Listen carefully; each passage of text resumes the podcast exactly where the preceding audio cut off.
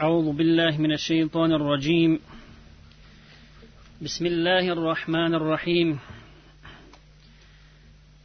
الحمد لله رب العالمين والعاقبة للمتقين ولا عدوان إلا على الظالمين والصلاة والسلام على رسولنا محمد وعلى آله وصحبه أجمعين وبعد السلام عليكم ورحمة الله وبركاته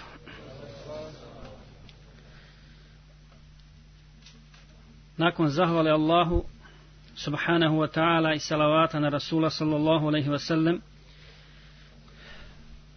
draga moja braćo i cijenjene sestre dragi naši studenti naše buduće nade i uzdanice inša Allah ovog muslimanskog naroda na ovim našim prostorima vi znate dakle da se u ovom našem mesčidu na Bjelavama u studentskom domu održavaju redovno predavanja. Između ostalog, jedan od termina je i ponedeljkom. Mi smo počeli prošli ponedeljak e, sa jednim ciklusom o imamima, o četvorici imama Mezheva. Prošli put smo govorili o imamu Ebu Hanifi, rahmetullahi alejhi, Međutim, pošto je večeras, pošto su večeras braća iz, naša vrijedna braća, studenti iz Sahve, upriličili podjelu tefsira, ja sam promijenio temu, pa večeras nećemo govoriti o imamu Maliku, kako smo bili najavili, nego sam ja našao za shodno, iša Allah, da se podsjetimo svi zajednički, na veličinu Kur'ana kao Allahove objave, kao Allahove upute i kao muđize koji je Allah Đelešanuhu poslao Muhammedu sallallahu, objavio Muhammedu sallallahu sallam, a preko njega kao svog posljednjeg poslanika čitavom čovječanstvu. Prije toga, na početku treba kazati, braće i sestre, da je svaki poslanik, svaki Allahov poslanik imao muđizu. A muđiza najjednostavnije prevedeno znači nadnaravno djelo, nešto što izlazi iz, iz okvira uobičajenog. I ona je sama po sebi izazov svim ljudima. Dakle, kod priješnjih Allahu i poslanika izazov tadašnjim ljudima, dakle narodu kome je poslat određeni poslanik, a muđiza Muhammeda sallallahu alaihi ve sellem, to jest Kur'an, je izazov svim svjetovima do sudnjega dana. Dakle, to je dokaz. Muđiza je sama po sebi i dokaz poslanstva jednog od poslanika. Jer ljudi su uvijek tra... kad dođe neki poslanik, kad se pojavi i kaže da je on poslat od Allaha, da poziva u tevhi, da poziva u vjerovanje u jednoga Boga, koji je sve stvorio i kome će se sve vratiti, onda ljudi pitaju normalno, a šta je dokaz tvog poslanstva? Šta je dokaz za sipot? Tako je Allah Đelešanu slao muđize poslanicima i samo su poslanici imali muđize. Niko drugi. Postoje ljudi koji imaju određene keramete, ali to nisu muđize. To nisu muđize. Da se dešavaju neke nadnaravne stvari ljudima u svakodnevnom životu, vjernicima, muslimanima koji praktikuju islam i tako dalje. Međutim, muđiza je sastavni dio poslaničke misije sastavni dio poslaničke misije i ona je jasan dokaz, dokaz poslanstva i dokaz protiv ljudi, protiv ljudi koji ne budu slijedili poslanika kada se on pojavi. Pa vidimo, Musa a.s. u njegovom vremenu bilo je, bio je razvijen, eh, jedna pojava bila posebno prisutna, a to je šta? Sihr. Sihr dakle je bio jako izražen.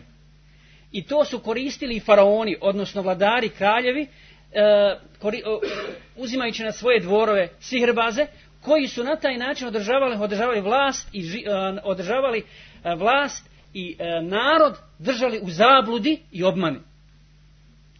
Allah je lažanom šalje Musa i Selama sa običnim štapom. Sa običnim štapom koji on prije toga koristio, kako kaže Musa i Selama u suri Taha, kad ga Allah pita šta je to u tvojoj desnici, on kao je moj štap. A tevakav biha, Ja se na njega oslanjam i skidam lišće s grana svojim ovcama. To je bila njegova uloga. Obični štap. Međutim, on će kasnije ući u istoriju taj štap. On će postati vrlo neobičan. Allah Đelešan će preko tog štapa koji će biti muđiza u vrijeme Musa i Selama poraziti sihrbaze i njihovu otkriti i razotkriti, raskrinkati njihovu zabludu i njihovu obmanu. Dakle, to je bila muđiza Musa alaih selama. Mi za nju znamo samo preko Kur'ana, je li tako? Nju, nju su osjetili i vidjeli samo savramnici Musa alaih selama. Isa alaih selam, u njegovo vrijeme bila je već medicina dobro razvijena. I tadašnji ljudi koji se bavili medicinom, da li pravi ljekari ili nadri ljekari, uglavnom imali su, imali su visoko mjesto u narodu. I bili su jako cijenjeni. Isa alaih selam, da bi uzokazao svoje poslanstvo, jer su ljudi bili u velikoj zabludi, činili su širka Allahu Đalešanuhu, Allah Đalešanuhu mu daje muđizu da liječi gubavce, da liječi slijepe, čak da Allahovom voljom oživi mrtve ljude. Međutim, mi vidimo dakle da, zbog čega govorimo da je potrebna, muđiza jest potrebna, ali vidimo da ipak Isa i Selam nema puno sljedbenika. Nema puno sljedbenika. Pored toga što je došao sa jasnom muđizom, nema puno sljedbenika. Uglavnom, bilo kako bilo, svaki poslanik imao svoju muđizu prihvatio, prihvatio narod to kao istinu, ne prihvatio to, poslanik je došao sa jasnom istinom i sa muđizom da obznani ljudima da je on Allahov poslanik i da će se vratiti gospodaru svjetova. Dakle, njihove muđize svih Allahu i poslanika su važile samo za njihovo vrijeme, jer su oni poslati samo svom narodu. Muđiza Muhammeda sallallahu alaihi ve sellem, pored imao je poslanik sallam ovakvi slični muđiza, Sjetimo se, čak je čitava sura obavljena povodom toga kad je se mjesec raspolutio, Pa mušici opet nisu povjerovali. Kada, je, kada su vidjeli to, Ebu Džehl je poslao ljude u pustinju da pitaju Beduine jesu oni isto to vidjeli. Kada su se vratili ljudi kazali da su i Beduini vidjeli da se mjesec svrutio, kaj on je si, to je sihr. Nisam se opsihrio. Dakle, nisu vjerovali u to, ali ima nešto drugo. Kur'an kao Allahova objeva kao najveća muđiza poslanika Muhammeda sallallahu alaihi ve sellem. Najveća muđiza. U kom smislu? Islamski učenjaci, braće i sestre, su o Kur'anu, o kur'anskom iđazu, ili o Kur'anu kao muđizi govorili sa više aspekata. Pa su spominjali jezički, jezičku muđizu, jezičku muđizu, historijsku muđizu, Kur'an kao historijska muđiza. Šta to znači? Sve što Kur'an govori o prošlim narodima, je li neko od židova, kršćana ili naroda koji su živjeli prije nego što je Mlesan dobio objavu, je li pobio ono sa čime je došao poslanik sa salim? Ne, naprotiv.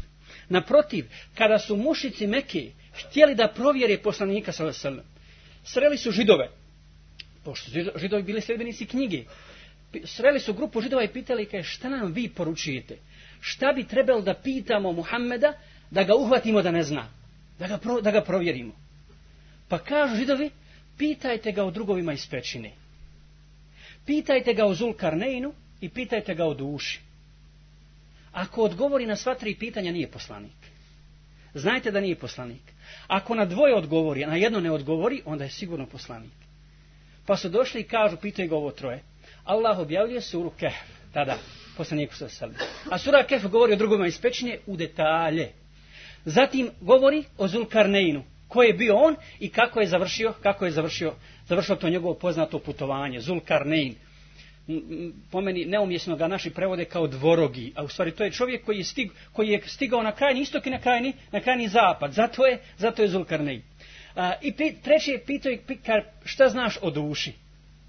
Pazite, šta znaš o duši? Kaže, poslom se, Allah što nam objavljuje suru, a ajte sura Isra, jes anu nekani ruh, koli ruh mun amri rabbi, vama utit mun amri ila kalila.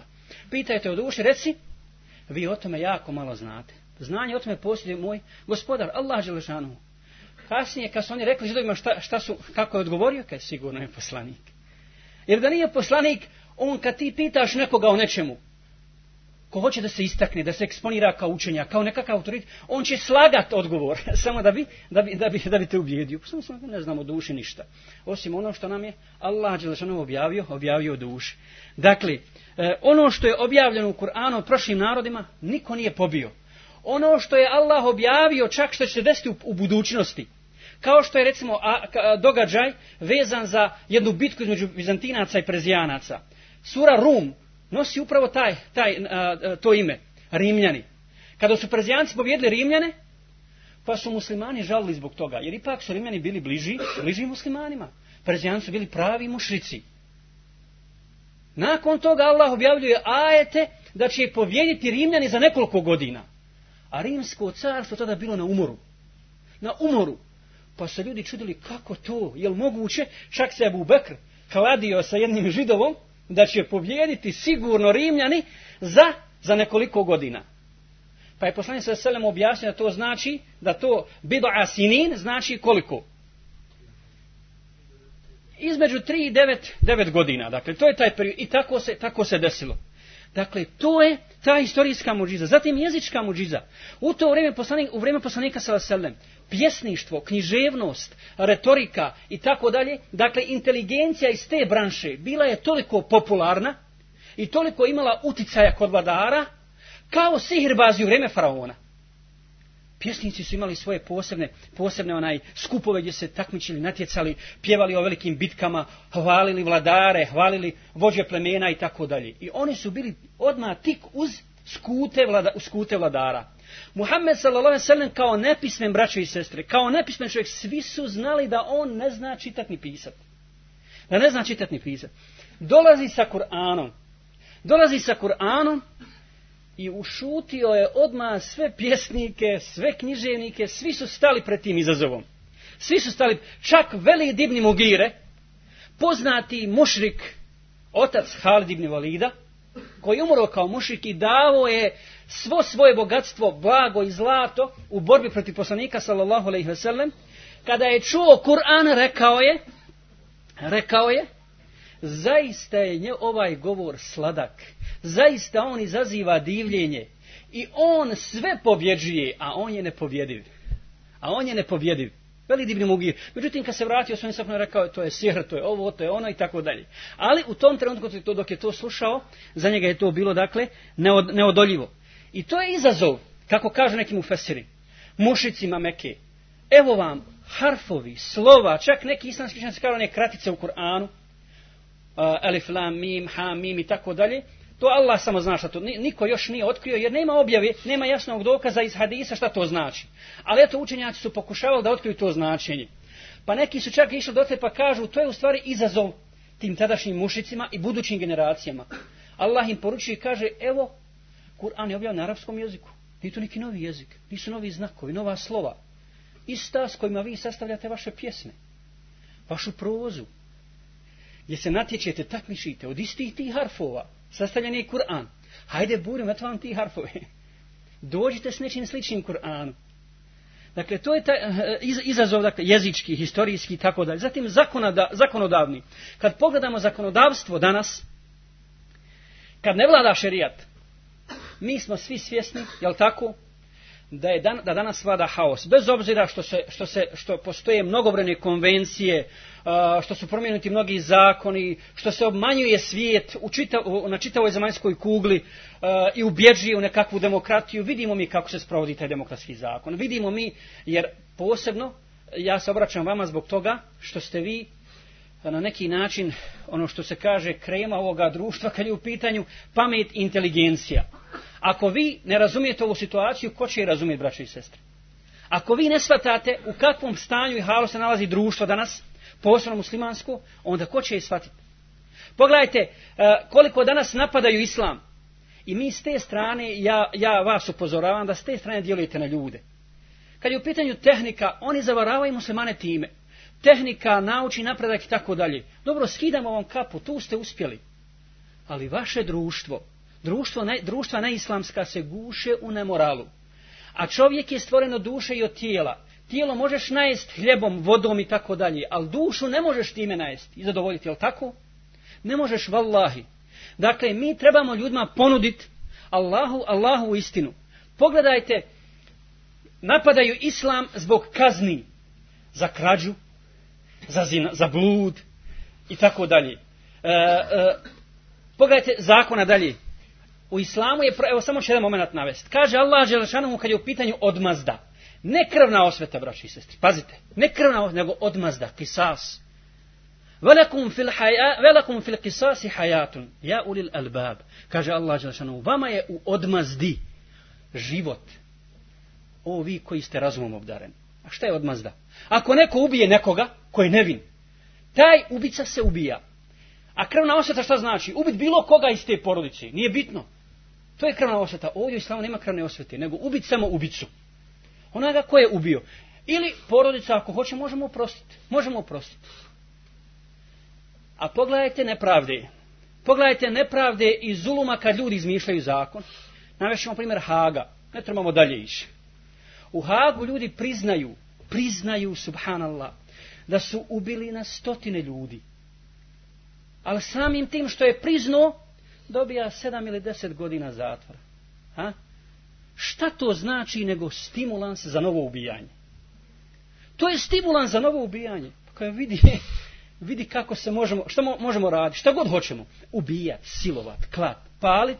Na kraju ćemo sud nekakav osnovat, farsu napraviti oko toga, osuditi neke zločince, pojedince, možda koji čak to, ili one koji čak nisu radili to. I onda čitavo društvo ispašta, jer ja i ti, brate i sestro, plaćamo poreze koje ne trebamo plaćati za zatvorenike, za, za, za, za, za kriminalce. Dakle, u islamu se štiti društvo, a ovdje u neislamskim društvima se štite kriminalci i ubice, i ubice, i lopovi, i lopovi, i pokvarenjaci i tako dalje. Dakle, s koje god hoćete strane, Kur'an je, Kur'an je muđiza. Zato Allah Đelešanuhu kaže, وَنَزَّلْنَا عَلَيْكَ الْقُرْآنَ تِبْيَانًا لِكُلِّ شَيْءٍ Mi smo ti objavili Muhammede Kur'an, u njemu je objašnjenje za svaku stvar. Tibjane li kulliše, za svaku stvar. Ili u suri Isra Allah kaže, inne hadel Kur'ane jehdi rilleti hije akvam. Ovaj Kur'an upućuje i vodi jedino ispravnom putu jedino ispravnom putu, ako hoćeš ispravan zakon, ako hoćeš sreću, ako hoćeš socijalnu pravdu, ne možeš bez Allahovog zakona, ne možeš bez Kur'ana pokušajte šta god hoćete, šta god hoćete. Ja sam jedan po jednom predavanju pričao, ispričao slučaj jednog alima, pa ću večeras iskoristiti priliku da ponovimo neke primjere koje smo mi ponavljali. Možda smo i čuli, ali nije zgorek da i ponovimo ponovo. Kada jedan islamski daja i alim obilazio Europu, a nije tako davno bilo u našem vremenu, svratio je dakle poslije predavanja, poslije svoje velike tribine u jedan hotel i tu se zatekao sa njim i, i svešenik, kršćanski, katolički, pa je htio da ga obruka i osramoti pred čitavom masom ljudi koji su bili tu u hotelu, pa mu priđe i kaže, jel ti tvrdiš da u Kur'anu postoje odgovori za svaku stvar? Ka, e, jeste. Jeste. Ka, dobro, onda nam reci ima li u Kur'anu odgovor na to kako se pravi ovo jelo koje ti jedeš? Kaj ima? Ima? Kako? Daj dokaz. Pa on kaže, Allah Đelešanu kaže, Fes'alu ahle zikrin kuntum la ta'alamun. Pitajte učene ako vi ne znate. A učen je za ovo konobar, pa je pozvao konobar koji je kako se pravi ovo jelo. Dakle, onaj kuhar koji je spravio ovo jelo, on to zna. Dakle, Kur'an nije jelovnik pa da piše o tome kako se pravi jelo i što treba, što treba jesti. Nego, evo vam, učeni ljudi, pa njih pitajte iz svake oblasti. Ovaj zna fiziku, ovaj zna matematiku, ovaj zna šarijat, pa njega pitaj, njega pitaj. Dakle, Kur'an je uputa za to. Zato daje opće smjernice, smjernice ljudima za život.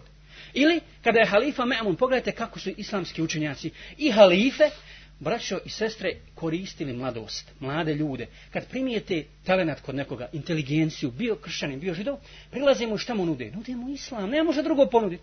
Nema alternative, islam je jedina alternativa, a njemu nema alternative. Pa mu kaže, jed, pr, vidi, vidio halifa Memun jednog židova, kako raspravlja sa muslimanima. I filozofira židov i ove muslimane ubjeđuje jači od njih. Njegova inteligencija, njegova, njegova pamet, jača od njihove.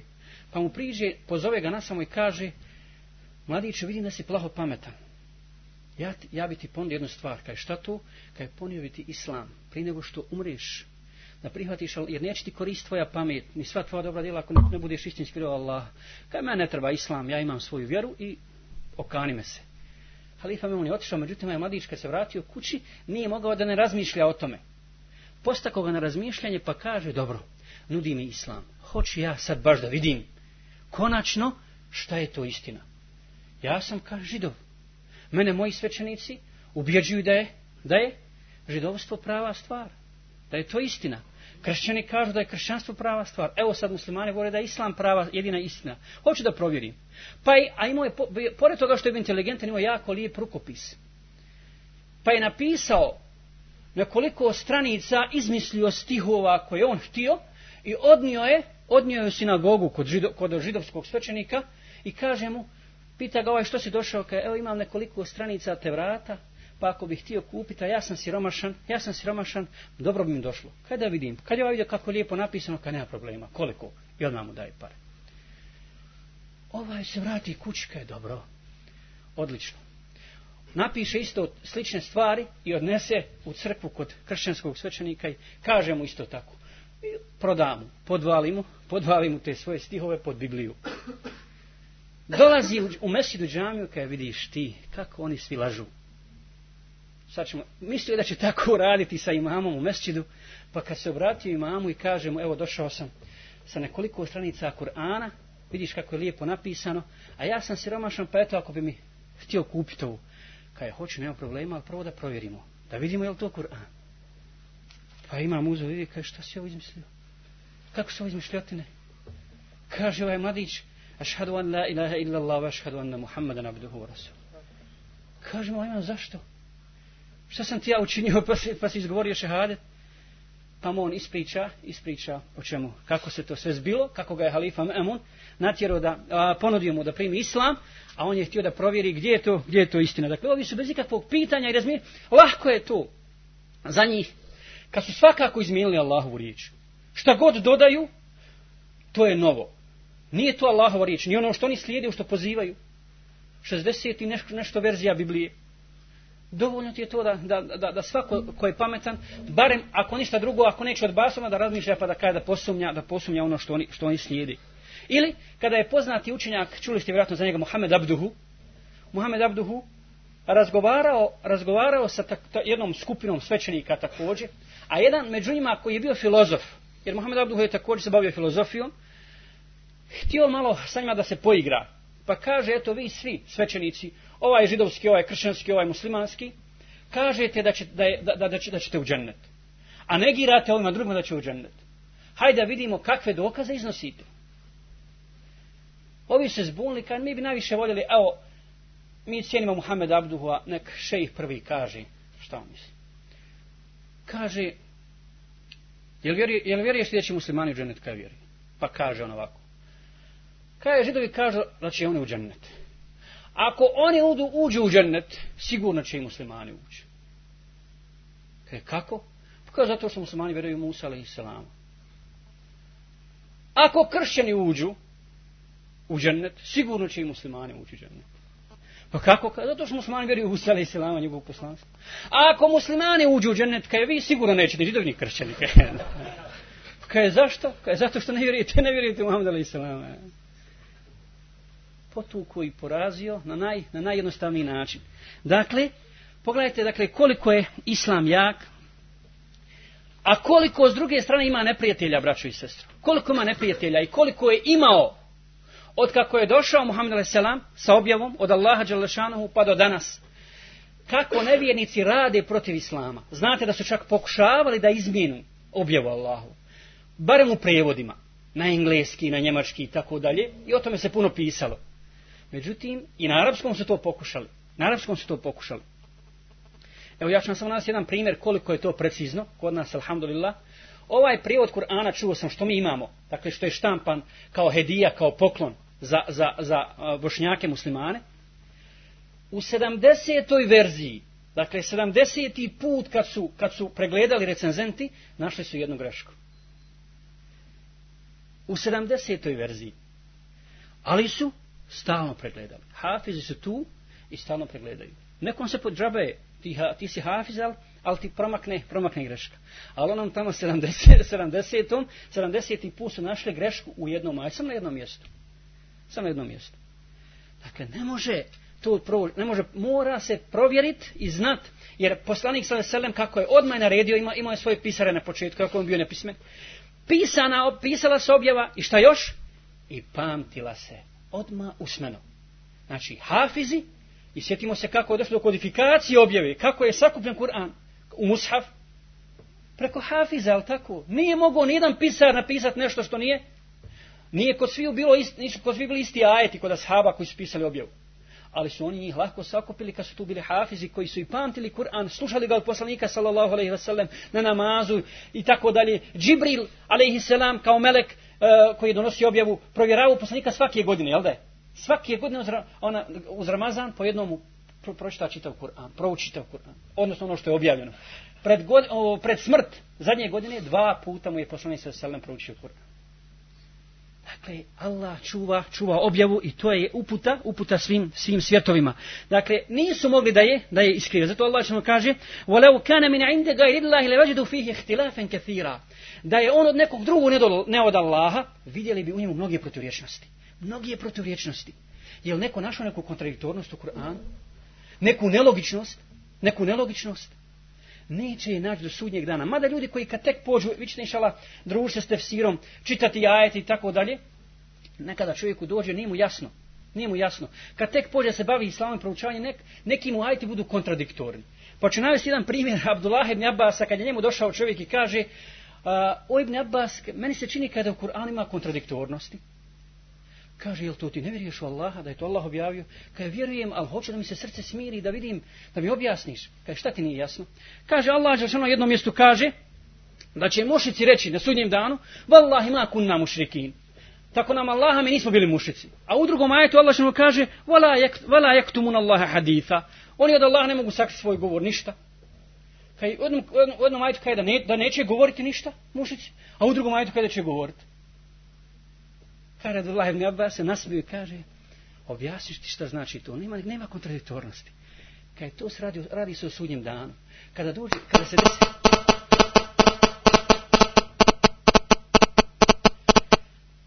Kada se desi sudnji dan, kada se desi sudnji dan,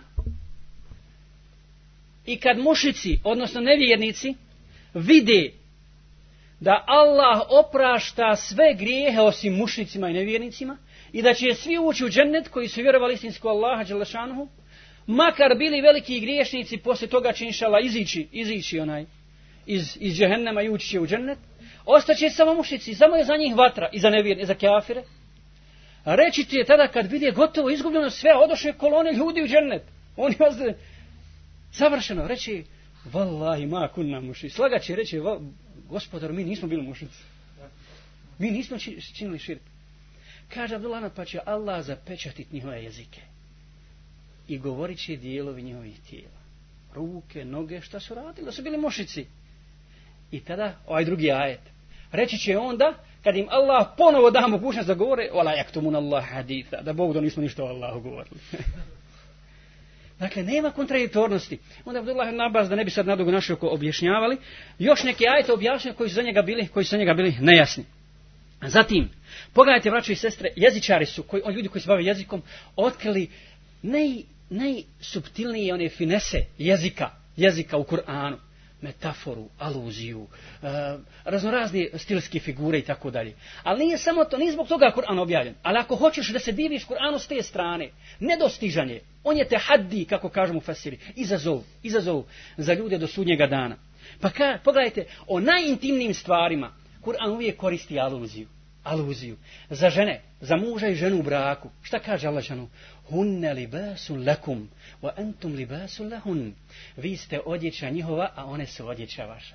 Subhanallah. Dajte pjesnika, književnik. Ne treba dalje objašnjavanje. Tu je sadržan sav intimni život bračni.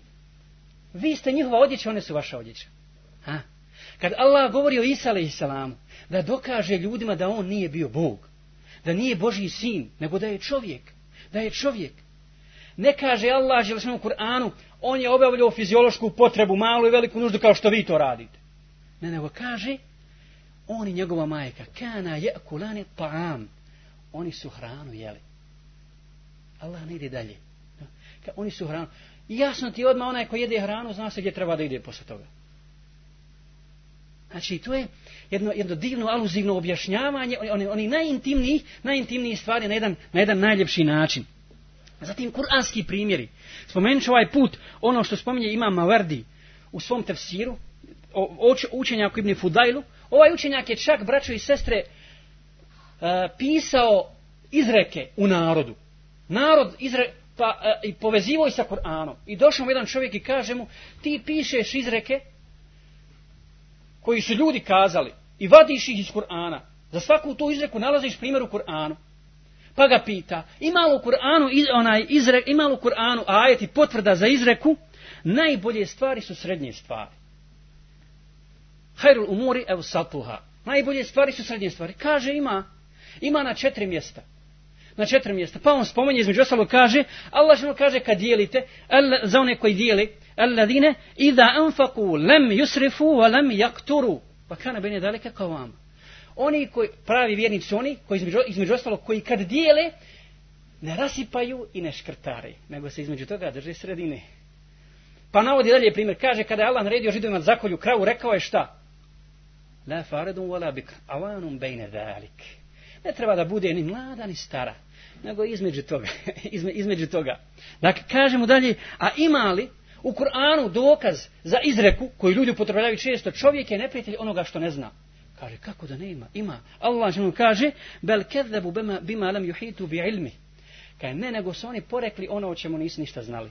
Dakle, za nevjernike, nevjernici poriču ono što ne znaju. Što ne znaju. Kaže, a ima li?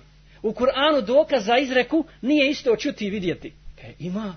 Zar ne znaš za ajet kada Allah žemlom kaže Ibrahim, ali i sam kada traži, kada traži, kada traži od njega da ga vidi, ha?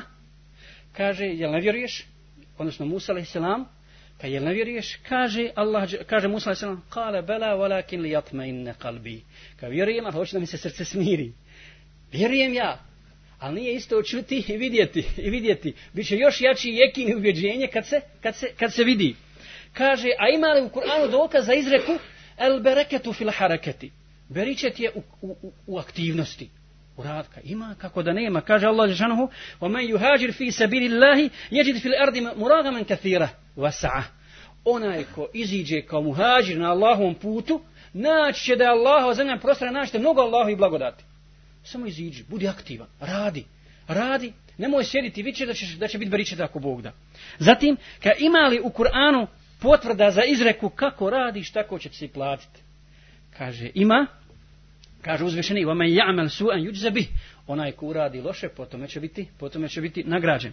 A ima li u Kur'anu potvrda za izreku, zmija ne rađa osim zmije, ili kako naš narod kaže, ne pada kruška osim ispod kruške. Pa ima kako nema, zrezana za riječi Nuh a.s. kada je molio Allaha da uništi nevjernike, pa što je rekao Nuh a.s wala yalidu illa fajiran kafara oni neće rađati osim nevjernike nevjernici neće rađati osim nevjernike i tako dalje da nabrajam sad mogli bi puno pri on je puno još objašnjavao i govorio dakle za svaku izreku izreku dokaz s koje god strane da priđete braće i sestre Kur'anu dakle Kur'an je Kur'an će vas zadiviti i to je dokaz na pitanje to je odgovor na pitanje zašto kršćani zašto nevjernici primaju islam zašto Upravo zbog toga, kada je Jusuf Islam primio Islam, šta je, šta je kazao, šta ga je prvo zadivilo?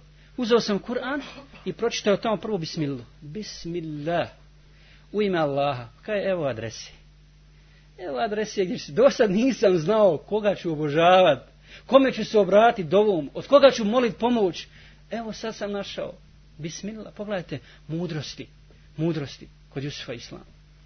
I kad prime tak ljudi Islam, braće i sestre, ništa im nije malo od islama, ni odjeća, ni onda primjenjuju onu kompletnu islamsku kulturu i u govoru, i u jelu, i u svakodnevnom ponašanju. Dakle, okiti s islamskim ahlakom koji je sastavljen dio našeg vjerovanja.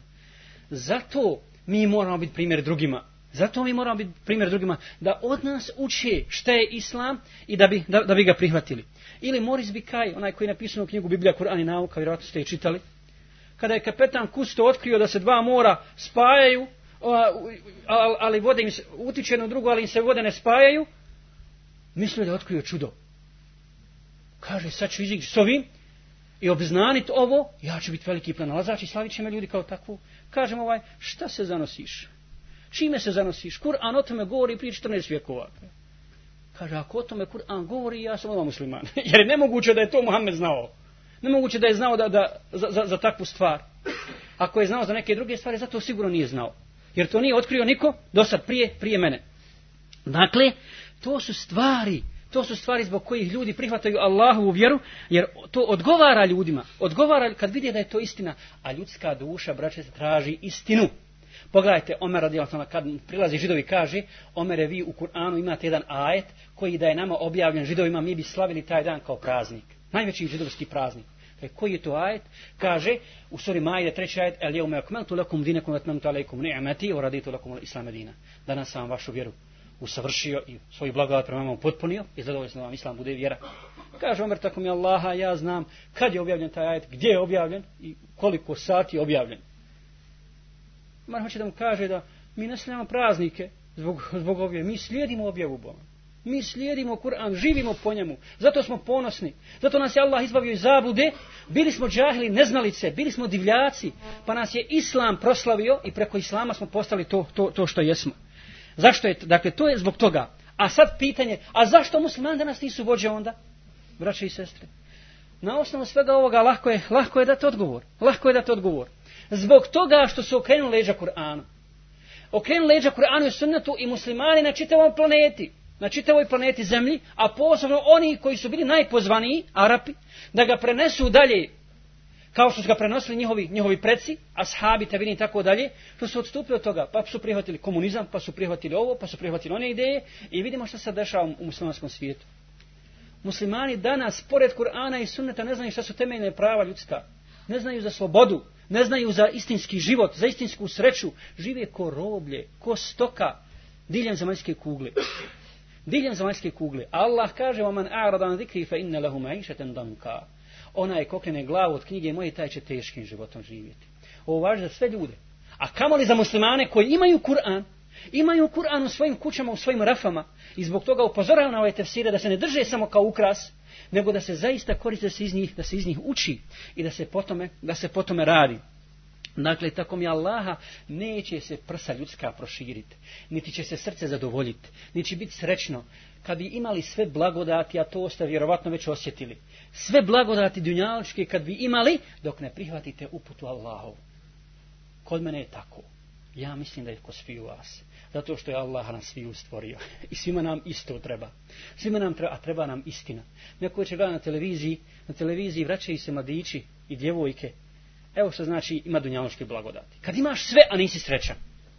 Vraćaju se sa partija u Hrvatskoj, tamo negdje u Zagrebu. Hrvatska je televizija prikazivala to. I onaj, otišli su cijelu noć su proveli, živjeli, pazite. Sami su priznali su živjeli za taj dan. Došli su raznorazne grupe, folovi, pa zonovi, znate već kako to hoda. I vraćaju se izutra u četiri sata i televizija je snimila to. Vraćaju i pitaju mladiće i djevojke koji se vraćaju kući u četiri sata izutra, gdje su roditelji, gdje je otac i majka, ma ko te pita? Mi radimo što hoćemo. I kaže, kako je bilo? Kaže, ova mladička je bez veze. Kaže, što? Pa kaže, vas da isto. Vraćamo se prazni ku kante. Nema ništa od ovog. A živjeli za taj dan? živjeli za taj trenutak? Dakle, ni auto, ni žena, ni dijete, ni novac, ništa ti ne može dušu tvoju napuniti, niti učiniti srećnim ako okreniš glavu od Allahove, od Allahove uputi. I dakle, odgovor na sljedeće pitanje, odgovor na naše pitanje, zadnji, e, zadnji odgovor na pitanje zašto muslimani nisu danas vođe i predvodnici, predvodnici drugim narodima, naći ćemo u riječima Ibn Kajima i s tim ćemo ako da završiti, kaže Ibn Kajim, od deset stvari čovjek nema koristi, iako su one same po sebi vrijedne. Pazite, vraćate dobro ovo. Od deset stvari čovjek nema nikakve fajde, a same po sebi su vrlo korisne i mogu biti jako, jako dobro. One su suština života. Kaže prvo, čovjek nema koristi od znanja po kojem ne radi. Eto odgovor zašto su muslimani danas takvi kakvi jesu. Džabati objava, džabati Kur'an držati u, u, i pohvaliti se da, da, da mi imamo jedini, jedini objav od Allaha. Ako ne radiš po njoj. Znači od znanja po kojem ne radi. Zatim, dijelo koje nije iskreno u ime Allaha Đelšanu urađeno, ne imaš od njega korist nikakve.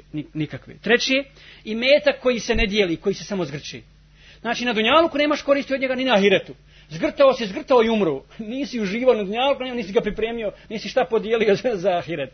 Četvrto, srce koje je prazno od ljubavi prema Allahu Đelešanu. Peto, tijelo koje nije u pokornosti Allahu Subhanahu Wa Ta'ala. Od njega nemaš koristi.